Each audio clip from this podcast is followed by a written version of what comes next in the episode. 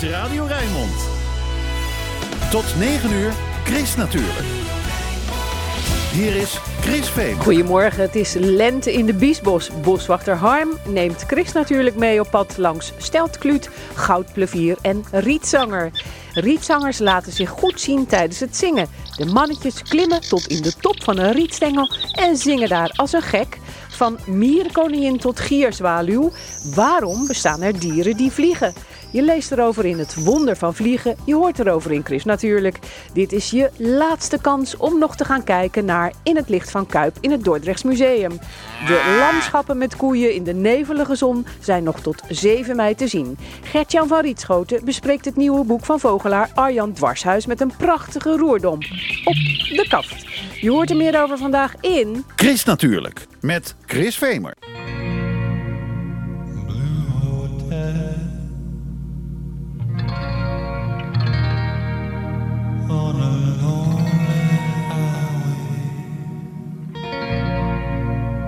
Blue Hotel.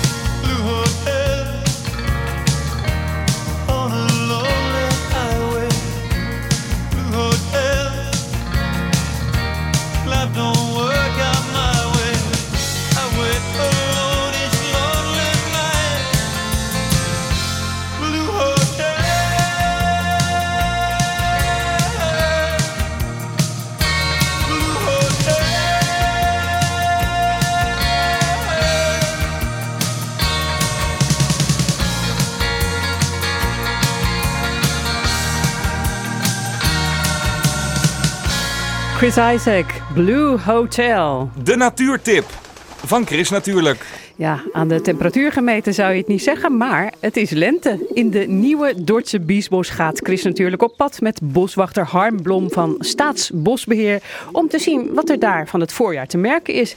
Maar eerst kijken we even naar de mooie poster van trekvogels die Harm heeft meegenomen. Ja, dat is een hele mooie poster die geschilderd is door eh, Erik van Hommen. En die is uitgegeven door eh, ja, zes nationale parken in Nederland.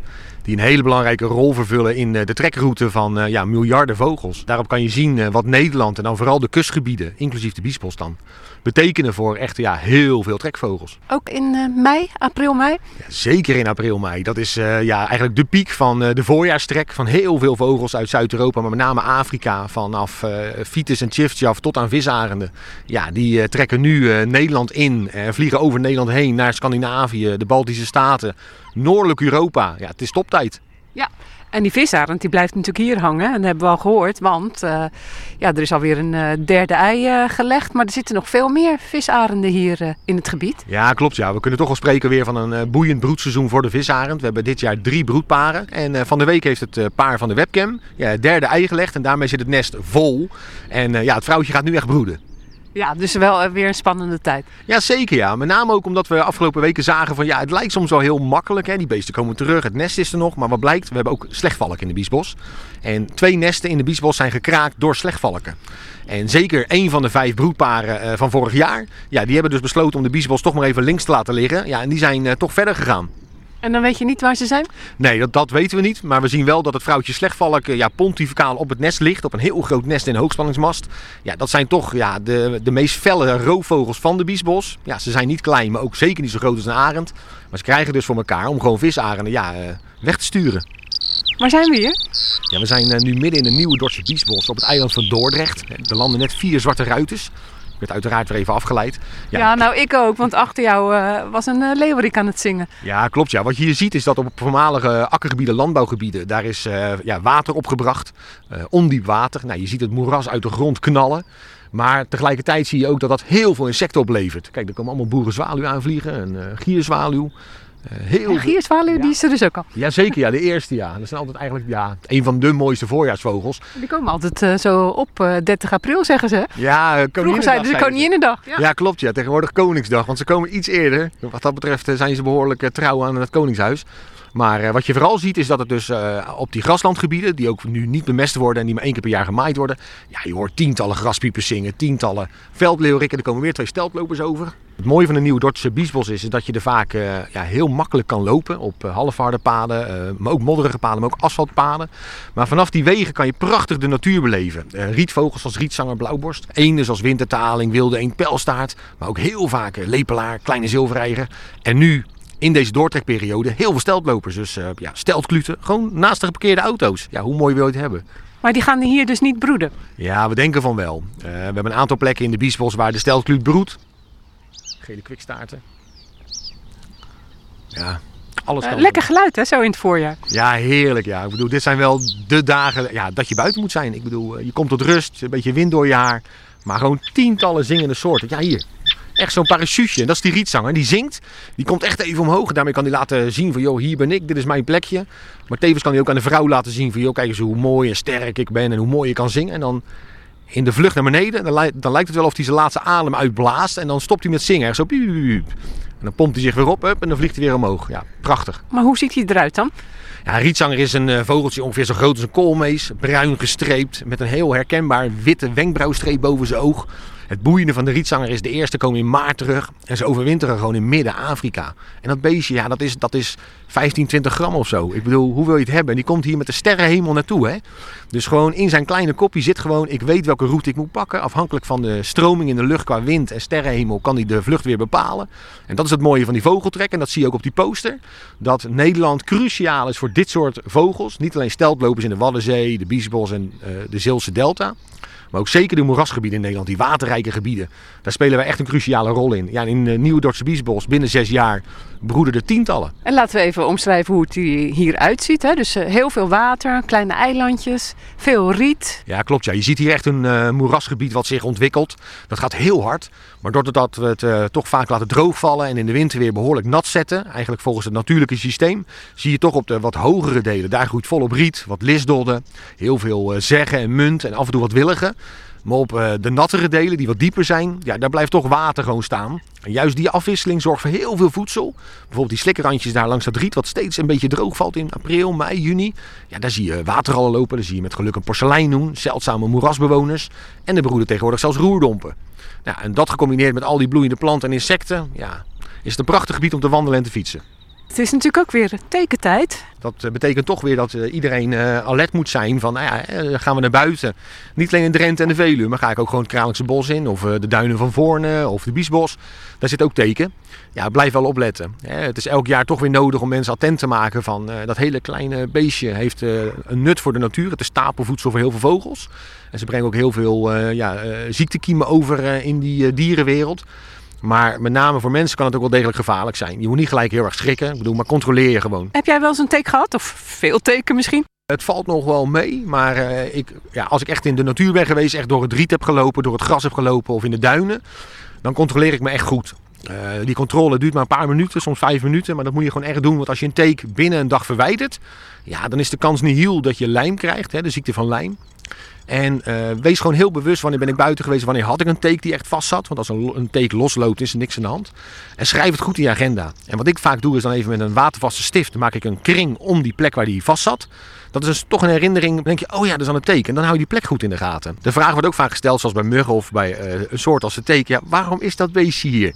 Nou ja, die vraag had ik zelf ook even. En eh daar zie je toch dat het stapelvoedsel is voor met name eh, kleine insectenetende vogels. Maar ook kleine eh, andere insecten die je teken eten.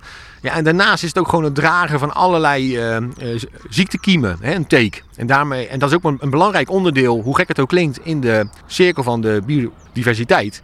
Ja, dus ook ziektekiemen zijn toch belangrijk binnen die hele dierenwereld. Waarom? Ja, daarmee van klein tot groot bepaalt dat ook van welk dier blijft leven. Kijk, dan lopen die steltjes op het eilandje. Enorme poten eronder. Ik moet me altijd een beetje denken aan die clowns in de circus, die op die grote krukken lopen, op die stelten, letterlijk. Zijn afhankelijk van dit soort waterrijke, ondiepe plekken. Ja, dat is echt een attractie eh, voor heel veel eh, vogelaars. Het mannetje is een totaal ander kopje als het vrouwtje. De ene heeft een witte kop en de andere heeft een wat donkere kop. Maar het geluid is ook heel anders. Wij kennen Tureluur, Schoolheks, de Grutto. En als deze roept, dan denk je gelijk van... Wat is dat voor buitenlander, weet je wel? Een hele, ja, een hele bijzondere roep. En dat is de steltkluut. Mooi, hè? De rietzanger vlak achter ons zingen. Hier, daar gaat hij. Zo, wit wenkbrauwstreep.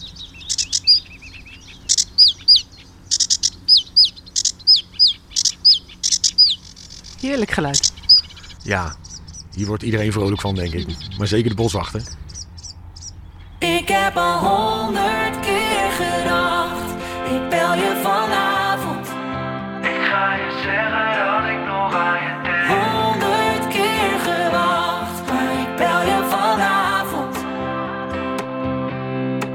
Gisteravond was je hier, maar had je niet in de gaten dat ik met je wou praten en ik eigenlijk wat anders voel. Dat ik bij je wil blijven, maar dan met de gordijnen dicht. Ik zie die grijns op je gezicht, zoals je hier zo bij me ligt. Weet ik al lang dat je dat laatste nog mist. Als iemand anders naar je kijkt, dan denk ik zij hoort toch bij mij. Ik weet het al lang, maar misschien wordt het tijd. Ik heb al honderd keer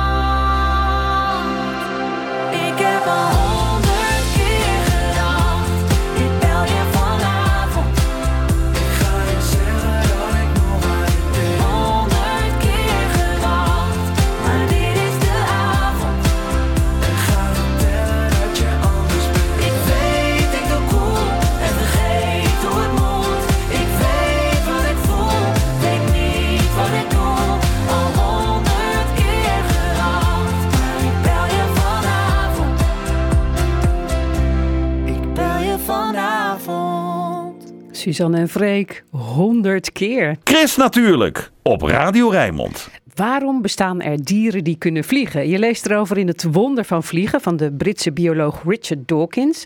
En Bram Langeveld, conservator van het Natuurhistorisch Museum Rotterdam, die heeft het boek voor ons gelezen. Aan de hand van dieren uit de collectie van het museum vertelt hij over het boek. Eerst maar eens de vraag, waarom bestaan er eigenlijk dieren die kunnen vliegen? Vliegen heeft natuurlijk veel voordelen. Je kan makkelijker voedsel vinden, je kan makkelijker aan roofdieren ontkomen. En als je dat op de goede manier doet, is vliegen heel efficiënt. Je kan heel snel heel ver komen. Uh, dat kost natuurlijk wel energie. Maar ja, denk maar aan een vogel die migreert. Ja, die vliegt bijvoorbeeld de Noorse stern. Uh, die vliegt letterlijk naar de andere kant van de wereld. En weer terug. En dat doen de meeste zoogdieren niet. Als je dat dan hoort, al die voordelen, dan kun je je ook afvragen waarom zijn er dieren die niet kunnen vliegen? Dat is eigenlijk omdat vliegen ook energie kost. Het, het maken en onderhouden van vleugels, hè, het groeien van die uitstulpingen, zeg maar. Uh, ja, dat kost natuurlijk voedingsstoffen. Um, ze onderhouden, ze in leven houden, de spieren die erbij horen blijven voeden. Het kost allemaal energie ook. En voor sommige dieren wegen de voordelen niet op tegen de nadelen die erbij horen. We staan nu eigenlijk bij een voorbeeld van een vogel die niet kan vliegen. Klopt, ja. We staan hier naast een struisvogel en die doet dan eigenlijk weer wat, uh, ja, wat raars wat, wat vogels betreft. In zijn evolutie is het blijkbaar uh, gunstiger geweest op een bepaald moment om uh, ja, het vliegen weer te verleren eigenlijk. En je ziet ook een struisvogel is heel erg groot. Dit dier is eigenlijk te groot, te zwaar om überhaupt nog te kunnen vliegen. Zelfs als hij nog grotere vleugels had gehad, dan zouden zijn vleugels zo gigantisch groot moeten zijn. En zijn borstbeen, waar al die spieren aan zitten om te kunnen vliegen, zo idioot groot, dat gaat niet meer. Dus hij is zijn uh, uh, ja, vermogen om te vliegen verloren. Maar die vleugels die hij nog heeft, die, die stompjes met wat veertjes gaan, die hebben nog wel een functie. Hij is ze niet helemaal kwijtgeraakt. Hij kan ermee dreigen bijvoorbeeld, of mee communiceren. En als zo'n struisvogel een end rent, en dat doen ze graag, en ver en hard, um, dan is het eigenlijk ook een manier om te sturen en om stabiel te blijven als hij zich verstapt bijvoorbeeld. Dus hij vliegt er niet meer mee, maar de vleugels hebben nog steeds een functie. Je hebt uh, voor ons uh, dit boek Het Wonder van Vliegen bekeken, helemaal uh, gelezen. Wat voor soort boek is het? Het is een heel erg goed boek, kort gezegd. Ik schrok wel een beetje toen het op mijn bureau plofte, want jij vroeg mij, wil je dat recenseren? Ik zeg, nou ja, graag. Um, als het niet meteen hoeft, want het kost vast veel tijd. En toen viel het op mijn bureau en ik dacht, oh jee, wat een dik boek, dat gaat heel lang duren.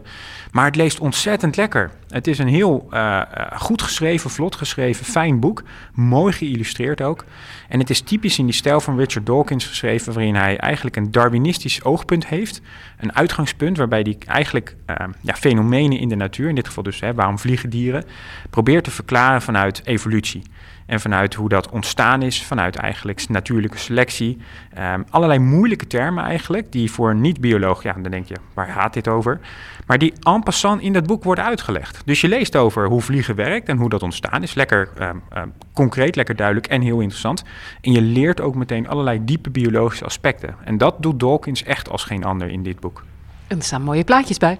Jazeker, ja. Het is heel mooi geïllustreerd. Dat maakt het ook uh, ja, lekker leesbaar. Het zijn niet alleen mooie plaatjes, maar ze zijn ook best wel functioneel. En ja, ook gewoon fijn om naar te kijken. En dan over de evolutie. Waarom uh, dieren doen zoals ze doen of geworden zijn zoals ze geworden zijn. Het heeft eigenlijk allemaal te maken met de voortplanting. Precies, ja. Dat is uh, de Darwinistische viewpoint, zeg maar. Dieren variëren allemaal een beetje van elkaar. Niemand is exact hetzelfde, net als mensen. Dat geldt ook voor dieren. Niemand, geen enkel dier is een exacte kopie van een ander dier. Er zit altijd een klein beetje variatie in. En als het dier wat net iets beter aangepast is, um, zich daardoor net iets meer voort kan planten, dus iets meer nakomelingen krijgt, die heel belangrijk diezelfde aanpassingen hebben, dus het moet wel overerfbaar zijn, ja, dan ga je zien dat op termijn, op langere termijn, generaties lang, gaat die aanpassing eigenlijk de regel worden. En dan kan iets wat een, een, afwijking is, maar wel voordeel levert, eigenlijk de norm worden. En dat is evolutie. En ja, zo kan je ook het ontstaan van vliegen bij heel veel uh, diergroepen verklaren. Het is natuurlijk wel lastig om te gaan van ik ben een dier wat niet kan vliegen, naar ik ben een dier wat volledig kan vliegen. Dan zou je in één keer plop, ik heb nu vleugels en mijn nakomelingen vliegen. Ja, dat, dat, dat wringt, dat voelt niet goed. En wat Dawkins heel mooi illustreert is dat je aan een halve vleugel meer hebt dan een helemaal geen vleugel. Klinkt heel raar, maar het komt er eigenlijk op neer dat als jij bijvoorbeeld een, een, een, uh, ja, een diertje bent wat snel een boom in moet kunnen vluchten, omdat die dreigt te worden opgegeten. En je hebt dan aan je voorpoten een soort veertjes zitten, waardoor je net wat meer eigenlijk lift maakt als je snel zo'n boom inklimt. Dat je eigenlijk een soort duwtje in de rug hebt. Ja, dan is dat een voordeel. En als jouw nakomelingen dat voordeel ook overerven, en die krijgen dat soms nog wat meer, hè, nog iets grotere oppervlakken van hun voorpoten, ja, dan hebben zij een nog iets groter voordeel. En zo kan je dus toch het ontstaan van vleugels eigenlijk in kleine geleidelijke stapjes verklaren. Zullen we eens even gaan kijken in het museum? Jazeker, kom, daar gaan we. In het boek wordt gezegd, ja, eigenlijk maken die dieren ook een keuze. Hè? Of ze zijn bijvoorbeeld heel wendbaar, of ze zijn heel stabiel. Heb je daar voorbeelden van? Jazeker, ja. Ehm, als we kijken bijvoorbeeld naar zo'n zwaan, of erboven naar die grote albatros daar. Dat zijn eh, grote vogels die niet per se bijzonder wendbaar zijn, maar die als ze eenmaal vliegen, want dat is ook best wel een, dingetje hè, voor zo'n zwaan om op te stijgen, dat kent iedereen wel, dat ze end door het water eigenlijk ja, sprinten als het ware, en maar flapperen, en maar flapperen, en dan komen ze eindelijk los. Maar als ze dan eenmaal vliegen, dan zijn het stabiele vliegers, grote vleugels, en dan kunnen ze eigenlijk efficiënt, het kost energie, maar ze doen het behoorlijk efficiënt, grote afstanden afleggen. En dan uh, bijvoorbeeld juist die wendbare dieren, heb je daar een voorbeeld van? Misschien wel een gierzwaluw, want die komen nu in deze tijd van het jaar in het land weer. Dat klopt, ja. Die gierzwaluwen die hebben we in, in de collectie hebben we diverse exemplaren. En dat is het tegenovergestelde. Die hebben hele smalle vleugeltjes, waardoor ze eigenlijk bijzonder wendbaar zijn. Het vliegen op zich kost dan wel wat meer energie, want ze hebben wat minder draagvlak. Maar ze zijn ook een stuk kleiner natuurlijk. En dat helpt. Ze zijn een stuk lichter. Ja, en die gebruiken die wendbaarheid natuurlijk weer om hun voedsel te vergaren. Die vangen gewoon uit de lucht allerlei razendsnelle insectjes. En wat je bij je gierzwaluw ziet, is eigenlijk dat die bijna tegenovergestelde doet van die zwaan. Die zwaan die zwemt ook wel liever eigenlijk even een stukje weg als er gevaar dreigt. Die hoeft niet per se te vliegen. En die gierzwaluw, die wil eigenlijk helemaal liever niet landen. Die, die doet alles in de lucht, tot aan paren aan toe. En de enige reden dat zo'n dier überhaupt landt, is uh, ja, om eieren te leggen, om jongen groot te brengen. En zelfs dat doen ze eigenlijk dus niet op de grond, maar het liefst op een zo hoog mogelijk plekje. En ik heb gehoord dat ze zelfs slapen in de lucht. Hoe kan dat nou? Ja, dat weten we nog, nog niet helemaal exact. Maar wat ze dan doen is dat ze waarschijnlijk um, de helft van hun brein uitzetten. En de andere helft zeg maar actief houden om ja, niet tegen, ergens tegenaan te vliegen. En op die manier dus eigenlijk uh, ja, toch slaap pakken. Maar dat is wel een andere slaap dan wat wij gewend zijn. Als, uh, als zoogdieren die lekker in een bed liggen en niet ergens tegenaan dreigen te knallen. Vliegen, daar gaat het over in uh, dit verhaal. Als het gaat om vliegen, denkt eigenlijk iedereen meteen aan vogels, ik ook. Maar uh, er zijn ook allerlei insecten, er zijn ook andere ongewervelden die kunnen vliegen. En planten kunnen ook indirect vliegen. Dat doen eigenlijk heel veel planten.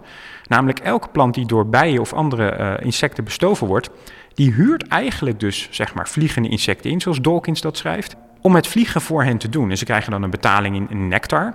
Maar op die manier kunnen eigenlijk ook heel veel planten dus vliegen. We hebben bijvoorbeeld de mieren. De koningin die heeft vleugeltjes, maar de rest niet. De werksters. Staat ook iets over in het boek. Klopt ja, en dat is inderdaad een mooi voorbeeld van, we noemden het eerder al, van vleugels, uh, dat kost ook energie. En vleugels zijn niet altijd handig. En wat we bij die mier heel duidelijk zien, is dat voor zo'n koningin is het in het begin van haar leven heel erg nuttig om vleugels te hebben. Die heeft ze dan ook. En dan vliegt ze naar een, uh, een grote afstand, naar een plek waar ze een, een, nieuwe kolonie kan stichten, waarbij ze dus niet in de weg zit zeg maar, voor de oude kolonie. En op dat moment, als ze dat plekje eenmaal gevonden heeft en ze is bevrucht door een mannetje, dan heeft ze die vleugels eigenlijk helemaal niet meer nodig. En dan, dat zitten ze eigenlijk in de weg en om ze in leven te houden kost energie. Dus die bijt ze dan gewoon af. Die bijt haar eigen Nou ja, gewoon. Ja, dat klinkt heel bizar, maar dat gebeurt gewoon. Die, die bijt ze af en die denkt, nou doei. En die gaat vervolgens onder de grond leven. Waarbij ze ook nog op dat moment in de weg zouden zitten. Als jij door smalle gangjes moet, moet kruipen en je hebt van die enorme vleugels op je rug zitten. Ja, dat is natuurlijk onhandig. Um, dus dat zijn dan een heel mooi voorbeeld waarbij, waarbij we eigenlijk zien dat het compromis tussen wel of niet vliegen... gewoon echt in het leven van het dier, afhankelijk van uh, wat hij op dat moment moet doen eigenlijk in het begin dus is, ik wil wel vliegen en het kost energie, het kost tijd en noem maar op, maar dat doe ik. En daarna, ah, het, is, het levert niks meer op, dus ik bijt ze af. En natuurlijk denkt dat dier daar niet over na, maar dat is gewoon puur ontstaan door, door evolutie. We waren op weg naar een ander voorbeeld in de collectie. Ja, hier deze uh, uh, grote vliegende eekhoorn. Hij hangt hier tegen de muur gespannen eigenlijk. Ja, een, een vliegende eekhoorn. Kijk, eekhoorns kunnen over het algemeen natuurlijk niet vliegen. En zeker onze rode eekhoorn kan niet vliegen. Ik zag er pas nog eentje vlak bij Tilburg lopen. En die was heel mooi van boom naar boom aan het springen. En dan zie je dat hij met die grote pluisstaart... Uh, die gebruikt hij natuurlijk om te sturen. Maar die gebruikt hij ook eigenlijk als een soort van halve vleugel, om het zo maar te zeggen. Dat noemden we al eerder. Een halve vleugel is beter dan geen vleugel. Dat schrijft Dawkins heel mooi. Um, het geeft hem net wat meer draagvlak. En dat hoeft maar een paar centimeter te zijn, maar dan komt hij net ietsje verder. Uh, en dan kan hij bijvoorbeeld net, net een tak bereiken die hij anders niet zou kunnen bereiken. Nou, vliegende eekhoorns, dat is een andere familie, maar dat is natuurlijk wel een, een, een verwante groep. Die gaan een stapje verder en die hebben eigenlijk huidplooien. Je ziet het heel mooi tussen hun voorpoot en hun achterpoot, zowel links als rechts. Het lijkt wel een cape of zo. Ja, een soort cape. En ja, hoe, god, hoe noem je dat? Het is echt een soort doek wat hij ertussen heeft hangen. Het is bijna een vlieger als je hem zo ziet. Ehm, ook weer met zo'n lange staart. En die gebruikt die, die huidplooi eigenlijk dus om, uh, als hij springt, dat helemaal uit te spreiden. Hij steekt zijn armen schuin naar voren, zijn voeten uh, schuin naar achteren. En dan krijgt hij een heel groot oppervlak. En dan zweeft hij bijna als een vlieger naar een, een volgende boom. En tegelijkertijd zie je dat als hij uh, door die boom aan het bewegen is, dan heeft hij zijn poot in een andere houding. En dan heeft hij van die huidplooi eigenlijk niet zoveel last. Dus dit is weer een heel mooi voorbeeld van het compromis. Uh, het is niet zo duur om zo'n huidplooi aan te leggen. Ook niet zo duur om dat weefsel in leven te houden. Hij heeft er niet echt last van als hij het niet gebruikt. En als hij het wel gebruikt, dan komt hij veel verder dan zonder. Dus uh, ja, een, een vliegend zoogdier. Ja, en je hebt ook een voorbeeld van een kiwi. Wat was dat ook alweer voor diertje? Dat is een loopvogel. En we begonnen bij de struisvogel. Dat is een hele grote loopvogel. En de kiwi, dat is eigenlijk de kleinste loopvogel. Dat is dit beestje wat hier staat. Leeft in Nieuw-Zeeland. En daarnaast staat nog een pinguïn. Er zijn natuurlijk verschillende soorten pinguïns. Dat is wel een leuke vergelijking. Want die, die kiwi en die pinguïn kunnen allebei niet meer vliegen. Maar die pinguïn, die gebruikt zijn vleugels nog heel concreet eigenlijk om onder water te vliegen. De bewegingen die hij maakt lijken ook best nog wel gewoon op echt vliegen zoals een vogel dat door de lucht doet.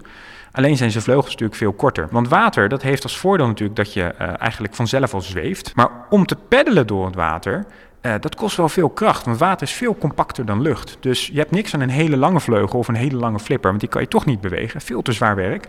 Dus die pinguïn heeft kortere, stevige vleugels. Waarmee die toch efficiënt door het water kan vliegen. Ja. En de kiwi dan? Ja, die kiwi is een, uh, een ander voorbeeld van een loopvogel. Die struisvogel is een hele grote loopvogel. Die kiwi is een hele kleine loopvogel. Die kiwi die komt voor uh, op Nieuw-Zeeland en dat is een eiland. En dat heeft er ook mee te maken dat vogels vaak hun vleugels verliezen. Zeker ja, maar dan komen we terug eigenlijk op, op een van die belangrijkste voordelen van vliegen is kunnen ontsnappen aan roofdieren. En als jij als vogel eenmaal op een eiland terechtkomt waar geen roofdieren zijn, waar bijvoorbeeld geen zoogdieren zijn met scherpe tanden die je willen opvreten, ja, dan wordt het eigenlijk zinloos om te vliegen. En zodra iets evolutionair zinloos is, ja, dan gaat het verdwijnen. Zullen we eindigen met een heel leuk voorbeeld uit het boek? Ja, wat ik uh, echt een eye-opener vond, was de torenvalk. Die hebben we hier ook staan. Daar bovenaan staat hij met zijn vleugels mooi gespreid. Iedereen kent torenvalken wel. Dat zijn van die valkjes die uh, bidden in de lucht. Dat wil zeggen dat ze doodstil in de lucht hangen, speuren naar de grond... en dan als ze een muis zien erop afduiken en die grijpen. Prachtig om te zien. En ik dacht altijd, torenvalken die hangen dus stil in de lucht. Maar dat is helemaal niet zo. Een torenvalk kan alleen maar bidden als hij tegen de wind in kan vliegen met de snelheid van de wind. En daardoor lijkt hij voor ons stil te hangen, maar voor zichzelf is hij gewoon aan het vliegen. Alleen kolibries, dat zijn vogeltjes die dat wel kunnen. Die kan je gewoon een ventilator de andere kant op geven en toch kan zo'n beestje wel stil blijven hangen. Torenvalk redt dat niet. Heb je trouwens al gierzwaluwen gezien uh, dit seizoen? Nee, gisteren wel boerenzwaluwen. En ik, ik zit wel naar boven te kijken. Als ik eens buiten ben, kijk ik altijd in, in, in, in de ronde. Maar ik heb ze nog niet gezien. Maar het kan niet lang meer duren. Bram Langeveld over het boek Het Wonder van Vliegen. Het boek is geschreven door Richard Dawkins, uitgegeven bij Nieuw Amsterdam. Verkrijgbaar bij de boekhandel en ook in het Natuurhistorisch Museum Rotterdam voor 27,99 euro. En er is één luisteraar die het boek kan winnen. Wie belt 010 436 4436? Die maakt kans. Chris Natuurlijk. De weekendbijlage. Hoog tijd voor de weekendkranten. Wat staat erin over groen, natuur en milieu? Je hoort het in het overzicht. Ik lees het samen met Martin van der Boogaard. Goedemorgen Martin. Ja, Jij gaat beginnen. Chris. Ja, ik heb vannacht ook uh, gedroomd dat ik uh, kon vliegen. Heb je dat ook wel eens? Uh, ja, nou, of dat ik uh, van een trap afval of zo, zo'n ja, trapje oversla. Ik heb en dan... dat ik net kan zweven boven de grond. Dan ga ik niet te hoog, want als ik dan oversteek, Voelt dan het ik lekker? bang dat ik de bovenleiding van de tram raak. Oh, dat dat okay. droom ik heel vaak. dan ga je vleugels eraan, ja, zonde. Ja, precies. Nou ja, in uh, het krantenoverzicht dan. Hè. In, in Trouw, reacties op het rapport dat de ontbossing over de hele wereld maar blijft doorgaan, ondanks allerlei politieke voornemens. Maar gelukkig is er ook uh, positief nieuws, want niet al het bos dat verdwenen is, is uh, voor eeuwig verloren. Zo is de verwachting dat het bos na de grote bosbranden in uh, Siberië zich herstelt. Het AD spoort iedereen aan om eens op insectensafari te gaan in de eigen achtertuin. In de weekendbijlagen van de krant staan tips voor meer gefladder en gezoem rondom het huis. En ja, over insecten in de tuin gesproken. Bij de nationale bijentelling van vorig weekend zijn meer dan 75 20.000 bijen en zweefvliegen, want die tellen ook mee. Uh, en uh, ja, wat blijkt, uh, schrijft de organisatie op de site, de gehorende metselbij. Die vestigt zich bij de meest algemene tuinbijen. En het lijkt er sterk op dat de soort profiteert van het warmer wordende klimaat. Net als in eh, de voorgaande edities werd ook in de vijfde bijentelling de honingbij het meest geteld in de tuin. Volkskrant Magazine schrijft over Maxi en haar stokoude circusbeer. In het magazine lees je hoe deze circusbeer haar laatste dagen in de polder heeft doorgebracht. En uh, altijd gedacht dat een uh, Labrador uh, vriendelijk is. Nee, heb ik nooit gedacht overigens. En een Rottweiler agressief. Ja, dat heb ik wel gedacht. volgens een, een, studie van Science is het ras veel minder bepalend dan gedacht. Elke hond heeft echt een eigen karakter dat zijn gedrag bepaalt. Maar hondenkenner Martin Gaus is niet overtuigd. Ik ben met mijn ervaring toch vooringenomen als er een bepaald type hond binnenkomt, zegt Gaus in het AD. Eigenlijk dus een soort hondenracisme. Martin van der Boogaard was dat met het groene nieuws uit de weekendkranten en daarbuiten. Gaan we door met het uh, weerbericht. Dat komt van Ed Aldus, die behalve weerman ook een beetje honden kent, of niet Ed? Goedemorgen. Ik hoor Ed helemaal niet. Ja, dat is een hond dat daar plaats. nou, dat denk ik ook, ja. Dag Ed, ben jij er? Misschien hier? Nee. Nou, ik zal eens even kijken wie hier is. Nee hoor. Nou, Ed is er niet. Ik weet ook wat voor. Nou, eh, ik volgens mij ook. Uh, veel bewolking uh, en overal droog. En het was hartstikke koud vanochtend. Ik weet niet of jij dat gemerkt uh, hebt. Ik zat in de auto, moet ik toegeven. Ja. Maar ja, het was koud. Is Ed er nog steeds niet? Nee hè? Ed. Hallo. Nou ja, goed, dan moeten wij het dan, dan zelf doen. Want Ed heeft wel keurig uh, zo'n uh, leuk briefje met het weer uh, doorgegeven. middagtemperatuur van 12 of 13 graden vandaag. En hij vindt het dan ook fris bij een matige noordenwind. Verder hebben we wolkenvelden afgewisseld, afgewisseld door opklaringen en droog vanavond en vannacht. En lokaal ja, kan het natuurlijk niet zo goed als Ed. Kan zich een mistbank vormen. In het oosten van de regio daalt de temperatuur tot dicht bij het vriespunt. Met kans op vorst aan de grond. En dan hebben we zon Zondag af en toe zon en droog, een middagtemperatuur van 15 graden. Dan waait er een zwakke tot matige noordenwind. En dan tot en met woensdag, maandag hebben we veel zon en droog. In de middag wordt het 16 graden, dinsdag en woensdag periode met zon. Afgewisseld met wolkenvelden en droog. Met 13 graden is het nog steeds aan de frisse kant. Nou, wat vind je ervan? Uh... Ik vond het heel goed gaan.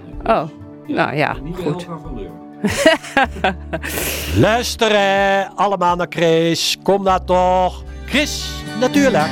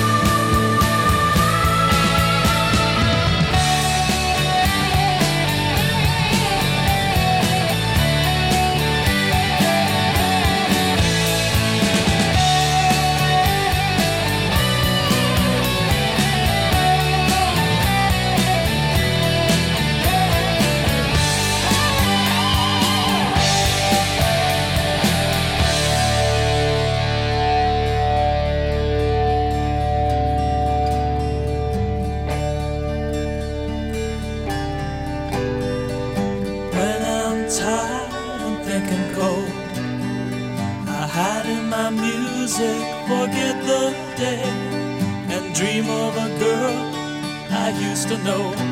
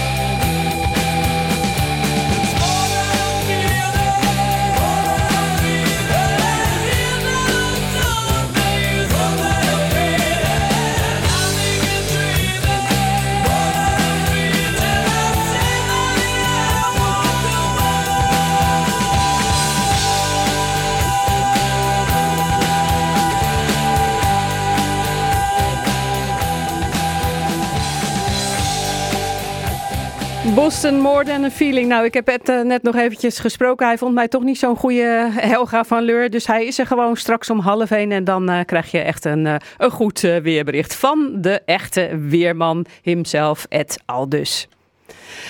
Laatste kans om in het Dordrechts Museum de tentoonstelling In het Licht van Kuip te gaan zien. De tentoonstelling over Albert Kuip en zijn invloed op Britse kunstenaars zou in maart dichtgaan, maar loopt nu tot 8 mei. Laatste kans dus, want volgens het museum zal zo'n project als dit niet snel herhaald worden. Misschien denk je bij Albert Kuip aan Amsterdam en de Albert Kuipmarkt, maar Albert Kuip zelf was geen Amsterdammer, maar een Dortenaar, vertelt conservator Zander Paalberg. Ja, dat is inderdaad opmerkelijk dat uh, die markt zo bekend is dat uh, men ook denkt dat Albert Kuip uit Amsterdam komt. Maar het is toch echt een Dordtse schilder en ook een hele Dordtse schilder. Hij is hier geboren, heeft zijn hele leven hier gewoond en gewerkt. En ook veel van zijn onderwerpen, want we staan nu bij het eerste grote schilderij in de tentoonstelling. En dat is een gezicht op Dordrecht, met grote koeien op de voorgrond. Die onderwerpen zijn ook altijd heel Dords. Het is echt een groot schilderij. Het komt uit de National Gallery in Londen. Het wordt daar de Large Dort genoemd, want ze hebben ook nog een, een kleine versie hiervan. En het is dus Dordrecht op de achtergrond met heel herkenbaar de toren van de grote kerk, die nooit afgebouwd is. En ik vond het een heel mooi begin van de tentoonstelling, omdat het licht zit er heel mooi in. Je ziet het licht eigenlijk door de wolken schijnen. Um, een beetje een gouden gloed op de achtergrond.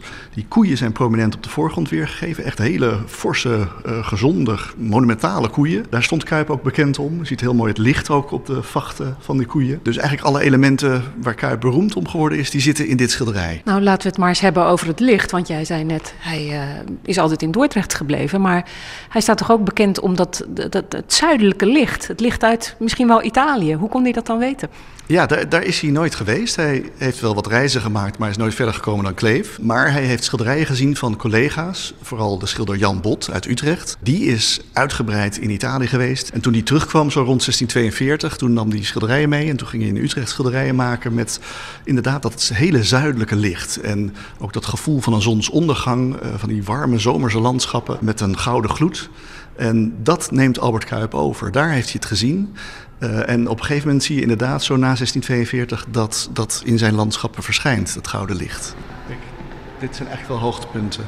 Hier zien we een schilderij, dat is uit de collectie van de Koningin van Engeland. Daar zijn we ongelooflijk blij mee dat we dat hebben kunnen lenen. Dat hangt normaal gesproken in Buckingham Palace. Zou ze er dan ook echt langslopen en kijken naar dat schilderij, denk je? Nou, zij heeft ze ongetwijfeld vaker gezien, want dat zijn wel hoogtepunten in de, de, Royal Collection. En ze hangen vrij prominent altijd in, in Buckingham Palace. En ja, dit soort schilderijen hingen dus in de woonhuizen in Dordrecht. Vaak grote werken, hele zonnige, heldere schilderijen. En dit is een heel mooi voorbeeld ook uit de collectie van de Koningin van Engeland. Met prachtige wolkenpartij. Um, het zijn van die landschappen waarin je eigenlijk zelf ook heel graag wil rondlopen. Je ziet een ezeltje met een mannetje erop die um, over een paadje gaat. En uh, dat landelijke, soort idyllische sfeer en ook het gevoel van een, een warme zomeravond, genieten van uh, de zonsondergang. Uh, dat zit er allemaal in. Die verstilling en die rust in die schilderij van Albert Kuip, daar werd hij ook heel beroemd door. Ja, en dan vooral wat later, na zijn dood, in Engeland, in Groot-Brittannië. Ja, dat is dus een heel opmerkelijk verhaal. Dat hij in zijn tijd alleen maar binnen Dordrecht een bekendheid was. Pas halverwege de 18e eeuw, dus lang na zijn dood, gingen de eerste schilderijen werden verkocht naar Engeland. En daar sloeg dat enorm aan. Daar werd hij in no time echt een, een uh, hele populaire kunstenaar. Uh, en je ziet dan dat in een periode van een halve eeuw wordt alles uit Dordrecht en wat er nog in Nederland is aan schilderijen van Kuip wordt verkocht en gaat bijna allemaal naar Engeland toe. Dus het wordt echt een rage in Engeland. Maar hoe kan dat? Hoe, hoe kan het dat ze het daar zo mooi vonden? Ja, de, de, de schilderijen die sluiten gewoon heel erg mooi aan bij de smaak van de Engelsen. Um, zeker dat hele landelijke en ook de jacht, wat je ook vaak ziet in de schilderijen van Kuip. Dat sloot heel mooi aan bij de aristocratische smaak van al die Engelse landhuiseigenaren. Die vaak prachtige tuinen hadden. Um, die ook soms gebaseerd zijn op dit soort landschappen van Kuip. Jij zei net, je zou wel in zo'n schilderij willen wonen. Ik heb in Constable Country uh, gewoond. En in Engeland kent iedereen dat, hè? Flatford Mill, Willie Lott's Cottage. Dat zijn schilderijen die een navolger van Kuip uh, heeft gemaakt. En ik wil best wel eens even kijken of ik iets herken. Ja, nee, dat, is, dat, dat klopt. Nee, we hebben prachtige werken van Constable op de tentoonstelling. Ook een wolkenstudie. Uh, en het interessante natuurlijk van Constable is dat hij zo geïnteresseerd is in die weersveranderingen. dat hij echt studies maakt van wolken. Vaak ook op de achterzijde dan noteert het moment van de dag. En ehm, zelfs de windrichting en wat voor wolken die ziet. Is ook de tijd dat daar natuurlijk aandacht voor ontstaat. Een soort wetenschappelijke benadering van het weer. En Constable gaat er helemaal in mee. Maar heeft dus ook heel goed gekeken naar de wolken van Albert Kuip. En hij dacht ook dat Kuip buiten schilderde. Uh, dat wist hij niet, dat dat in de 17e eeuw helemaal nog niet gebeurde. Maar dit is heel fraai om hier dus uh, meerdere olieverfschetsen bij elkaar te zien. Grote wolkenstudie die, die hij maakte. Um, en we hebben zelfs ook nog uh, een, een, paar prenten opgehangen van Albert Kuip. Etsjes met koeien erop. Omdat Constable zo'n reeks etsen had. Die had hij in zijn bezit en daar heeft hij zich ook duidelijk door laten inspireren. En die koeien die zagen er ook echt zo uit, zo bol? Ja, dit zijn echt 17e-eeuwse koeien. Uh, die werden ook wel vaak gezien als een soort symbool van de, de welvarende republiek. Hele gezonde, uh, monumentale koeien. Um, en ja, dat was ook iets nieuws in Dordrecht. Er was natuurlijk heel veel land rond de stad. Het was een eiland. Uh, was eigenlijk teruggewonnen op het water. Uh, sinds de Sint-Elisabethvoet was er eigenlijk heel veel water rond Dordrecht. Um, en op al die polders rond de stad, daar werden koeien gezet. En die, die veeteelt, uh, eigenlijk de, kaas en melk, dat waren hele belangrijke exportproducten. En vermoedelijk de, de eerste kopers van dit soort schilderijen met koeien van Albert Kuip, uh, die hadden vaak zelf ook land. En hoe zat het dan weer met daarna de Britten, die daarna dan deze schilderijen kochten? Die hadden ook hun eigen koeien? Ja, die, die Britten waren daar ook gek op. Um, een aantal van de adellijke kopers van werken van Kuip, zoals uh, de Earl of Harrowby, die kocht een groot koeienstuk van Albert Kuip dat we in de tentoonstelling hebben hangen. Dat hier ook speciaal gerestaureerd is voor de tentoonstelling. En uh, we weten dat hij een groot landhuis, Sandon Hall, ook liet bouwen. En op dat landhuis, op dat landgoed, daar stond ook een grote uh, zogenaamde model farm, een grote boerderij liet hij neerzetten. En dat werd niet weggestopt, dus ergens achter op het landgoed, maar juist vlak bij het hoofdgebouw gezet omdat hij zeer geïnteresseerd was in het hele boerenbedrijf. En um, dat ook dichtbij wilde hebben. Hij had zelfs een, een, eigen kamer waar de familie kon kijken hoe uh, de, de koeien gemolken werden. En dit soort schilderijen, dat was ook een, een nieuw thema in Engeland. Uh, dat je eigenlijk de koe verheft tot kunst. Dat was nog niet zo um, populair in Engeland. En ja, dan zie je dat uh, eerst iemand als Gainsborough in de 18e eeuw al. en later ook Turner en anderen. Die nemen dat over en die gaan ook uh, koeien in het water schilderen. Daar hebben we ook mooie voorbeelden van hangen. En dan heel vaak ook, zoals Kuip dat ook deed, in een soort zacht zonlicht. En wat Turner bijvoorbeeld zeer bewonderde, dat Kuip zo goed in staat was om eigenlijk uh, alle details te laten versmelten in een omringende nevel. Nou. Klinkt dat niet mooi? Ben je nog niet geweest naar In het Licht van Kuip? Ga het zeker doen. Het kan nog tot 8 mei in het Dordrechts Museum. Chris natuurlijk. Lekker lezen. Een sprookjesboek over bomen, een historische roman over het gezonken schip de Phoenix en een nieuw boek van de bekende vogelaar Arjan Dwarshuis. Daarover hoor je meer van Gertjan van Boekhandel van Rietschoten in Rotterdam, IJsselmonde. Gertjan, goedemorgen. Heel goedemorgen, Chris. Bij jou in de winkel uh, heb je een hele mooie versiering opgehangen die bij het boek van Arjan Dwarshuis uh, hoort. Hè? Valt die versiering op bij je klanten? Ja, zeker. Die valt op. Uh, inderdaad, Ze hangt er een levensgroot. Ja, en er hangt een etalage op het moment. Dus dat, uh, dat valt mee. Maar het is een roerdomp, om er alvast een beeld bij te hebben.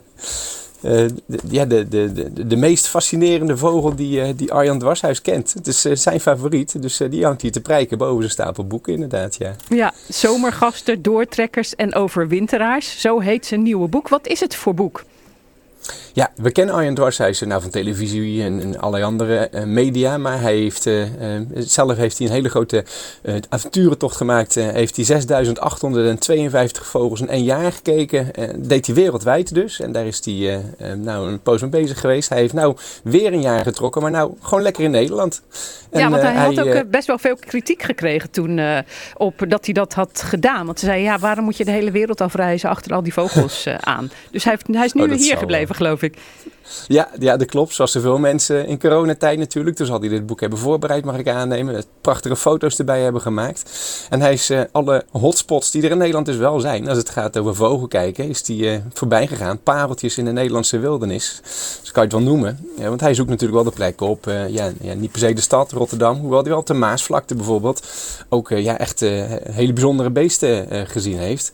Ehm, gefascineerd door de vogels zelf dus, maar ook door de, ehm, nou, door de leefgebieden zelf, door de, de plekken waar die komt. Want je leert, eh, als je dit boek van hem dus eh, leest, door alle hoofdstukken heen, ook de, de Nederlandse natuur een heel stuk beter kennen. Ehm, nou ja, van de weerribben tot aan inderdaad dus de Maasvlakte en, en ook eh, in de bossen, gewoon op de Veluwe zeg maar. Naar, naar welke plekken zou jij gaan uit het boek? Nou, wat ik wel zou willen zien nog is, die, wat mij tot de, tot de verbeelding spreekt, zijn die spechten. En hij heeft, eh, in Nederland zijn er dus blijkbaar zes Nederlandse spechtensoorten. En die heeft hij gevonden in, een, eh, in, in het Roosendaalse bos. Daar moet je naartoe als je naar het uh, spechtenwalhalla wil. Daar ja, ze nou, dus ook- allemaal tegelijk. En horen misschien Ja, hij wel. vijf Ja. van de zes. Klopt, ja, Ja. inderdaad. Ja. Dus daar zou jij ja, naartoe en de gaan? weerrib. Sorry? Daar zou jij naartoe gaan. Zou ik leuk vinden. Ja, maar de weerribben ook zo prachtig natuurlijk. Hè, waar hij dus de, inderdaad dus die roerdomp vindt. Prachtig beest tussen het riet. Ehm, eh, ja, dat lijkt me ook eh, machtig mooi om nog eens een keertje een weekje rond te trekken. Zijn van die plekken, daar wil je wel, maar daar kom je niet vaak, toch? Nee, dat is waar. En eh, ja, die Arjan Dwarshuis eh, wordt wel de Freek Vonk van de vogelaars genoemd. Zou jij hem ook zo omschrijven? Nou ja, vooral ook omdat hij zo enorm enthousiasmerend kan spreken. Ik heb hem in het echt ook mogen ontmoeten. En hij is natuurlijk altijd van die, eh, van die, van die tochten waar hij veel mensen ook in meesleept. En ja, al, al heb je niet zo heel veel met vogels, ik ben niet per se een vogelaar. Als je hem hoort, dan, dan sta je op een gegeven moment eh, te popelen om zelf ook eh, achter die beesten aan te, aan te trekken. Dus ja, nou, ik denk dat, denk dat ik een keer een afspraak met hem ga maken om hier in het gebied met Arjan rond te gaan lopen. Staan er trouwens ook foto's in het boek? Ja, alleen maar. Nou ja, alleen maar. Zijn, hij is natuurlijk vooral ook zelf bekend van zijn eigen... Nou ja, als je hem ziet achter een camera, dat is Arjan. Eh, zijn eigen foto's door het hele boek heen. Zeker, heel mooi. Zomergasten, doortrekkers en overwinteraars van Arjan Dwarshuis is uitgegeven bij Meulenhof. Kost 24,99 euro. Nou, wij, jij en ik weten allebei dat er heel veel boeken over bomen verschijnen. Je hebt weer een Ja. nieuw boek gevonden, Verhalen van de Fladdertak. Maar dit is een heel ander boek dan normaal gesproken. Ja, ja, en ik ben er echt verliefd op. Dat wil ik alvast wel zeggen voordat ik ermee begin. Dit is zo'n prachtig mooi boek. Dit is eh, inderdaad, nou ja, Peter Wolleben die schrijft boeken zat. Ook voor kinderen trouwens als het gaat over boeken. Maar dit is een, een sprookjesboek. In de allereerste plaats denk ik wel geschreven om te vertellen aan kinderen. Ehm, maar joh, ik heb er ook zelf zo van genoten. Dat is, eh, dat is niet normaal. En wat spreekt Ehm, jou dan zo aan in dit boek? Ja, het bijzondere hieraan is denk ik eh, twee dingen. Eén, zijn hele, het is een hele bundel van allerlei verhalen uit heel de wereld vandaan. Die verzameld zijn door Margarethe van Andel. eh, en die ze heeft herverteld. ehm, met, dat is het leuke, in ieder verhaal dus een boom centraal. Ehm, dus je leert er gewoon eh, prachtig leuke verhalen. Eh, Jaap en de bonenstaak staat erin. Ook een verhaal van Tolstoy staat erin. Altijd een boek wat, eh, of een boom die centraal staat. Wat is ook wel bijzonder eigenlijk, eh, Gert-Jan, dat er zoveel Ja. sprookjes en legenden en mythen over Zeker. bomen zijn. Dus mensen die zijn er toch door gefascineerd op de een of andere manier, zeker. door de eeuwen heen. Klopt, nou, dat, die conclusie trek je zeker als je al die verhalen weer gehoord hebt. Door de eeuwen heen, door alle, alle tijden heen. Absoluut waar. En dan komt het leukste, die verhalen worden dus niet verteld door Margaretha, maar die worden eigenlijk verteld door een boom. En dat is dan niet een fantasieboom of niet een mysterieuze, niet bestaande boom, maar echt gewoon bomen die je zou kunnen gaan opzoeken. Als je de plek ervan weet, daar kom ik misschien nog wel op, want niet iedere boom kan je aanwijzen. Maar nou, neem bijvoorbeeld de boom eh, die op Ground Zero, nou, wist ik helemaal niet, maar daar gevonden is onder de pu- puinhopen. eh opgekalefaterd is weer, met veel liefde is verzorgd en weer terug is gezet op diezelfde plek. Naast een zeiling van de Anne Frankboom, ook wel heel leuk om te weten. Ehm, maar dat is dus een van de vertellers. Een andere verteller is een, eh, ja, een ultra ja, een intrigerende boom, de Methusalem. Eh, ook een echt bestaande boom dus, die je niet direct kan vinden, want zijn locatie wordt angstig geheim gehouden. Eh, voor in het geval dat de mensen zouden zijn die kwaad zouden willen doen. Want dit is een boom die 5000 jaar oud is. Moet je je voorstellen.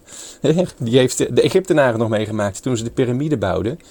Ehm, en die boom die staat in, eh, ja, in een enorm schraal gebied in, eh, in de, in de, nou, vlakbij eh, Las Vegas in de, in de woestijn. Dus het Ehm, gaat dus, over echte bomen en het gaat over, over sprookjes. zoals Ja. bijvoorbeeld die, die fladdertak eh, uit de titel. Verhalen van de fladdertak van Margaretha van Andel.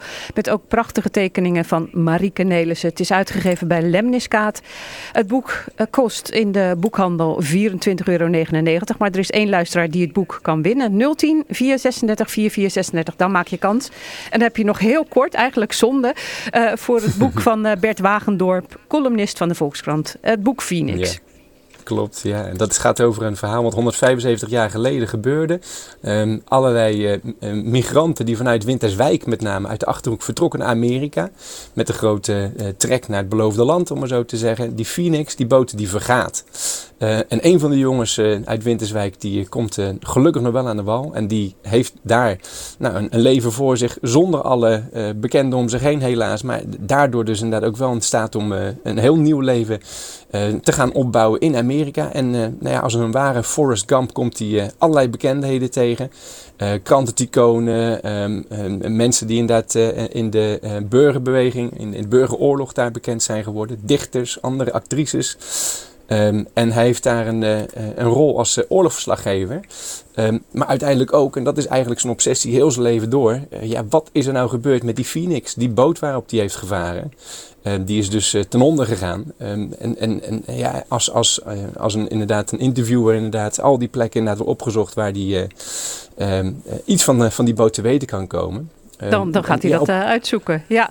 Uh, Zeker, en ja. Uh, nou ja, misschien moeten we bij een volgend boek van Bert Wagendorp in deze serie nog een keertje terugkomen hierover. want dit is deel 1 van een trilogie. Dus dat, dat wordt nog wat. Phoenix, de memoires van Abel Sikkink. Deel 1 dus. Bert Wagendorp. Het is uitgegeven bij uitgeverij Pluim. Kost 24,99 euro. Gert-Jan, daarmee zijn we aan het einde gekomen van Chris natuurlijk. En van de rubriek Lekker lezen. Dankjewel, fijn weekend. Dit was dus Chris Natuurlijk, een programma van Chris Vemer, Martin van der Boogaard en Rob van der Meer. Die werkte mee. Volgende week van brandnetel tot paardenbloem. We gaan wild plukken met lieve gallen. En Johan Derksen, die komen we voortaan alleen nog maar in het wild tegen. Daar kun je best een beetje de blues van krijgen, vind ik zelf in ieder geval. En die krijg je dan ook straks drie uur lang Rijmond Blues. Fijn weekend allemaal. Chris Natuurlijk. Kijk ook op chrisnatuurlijk.nl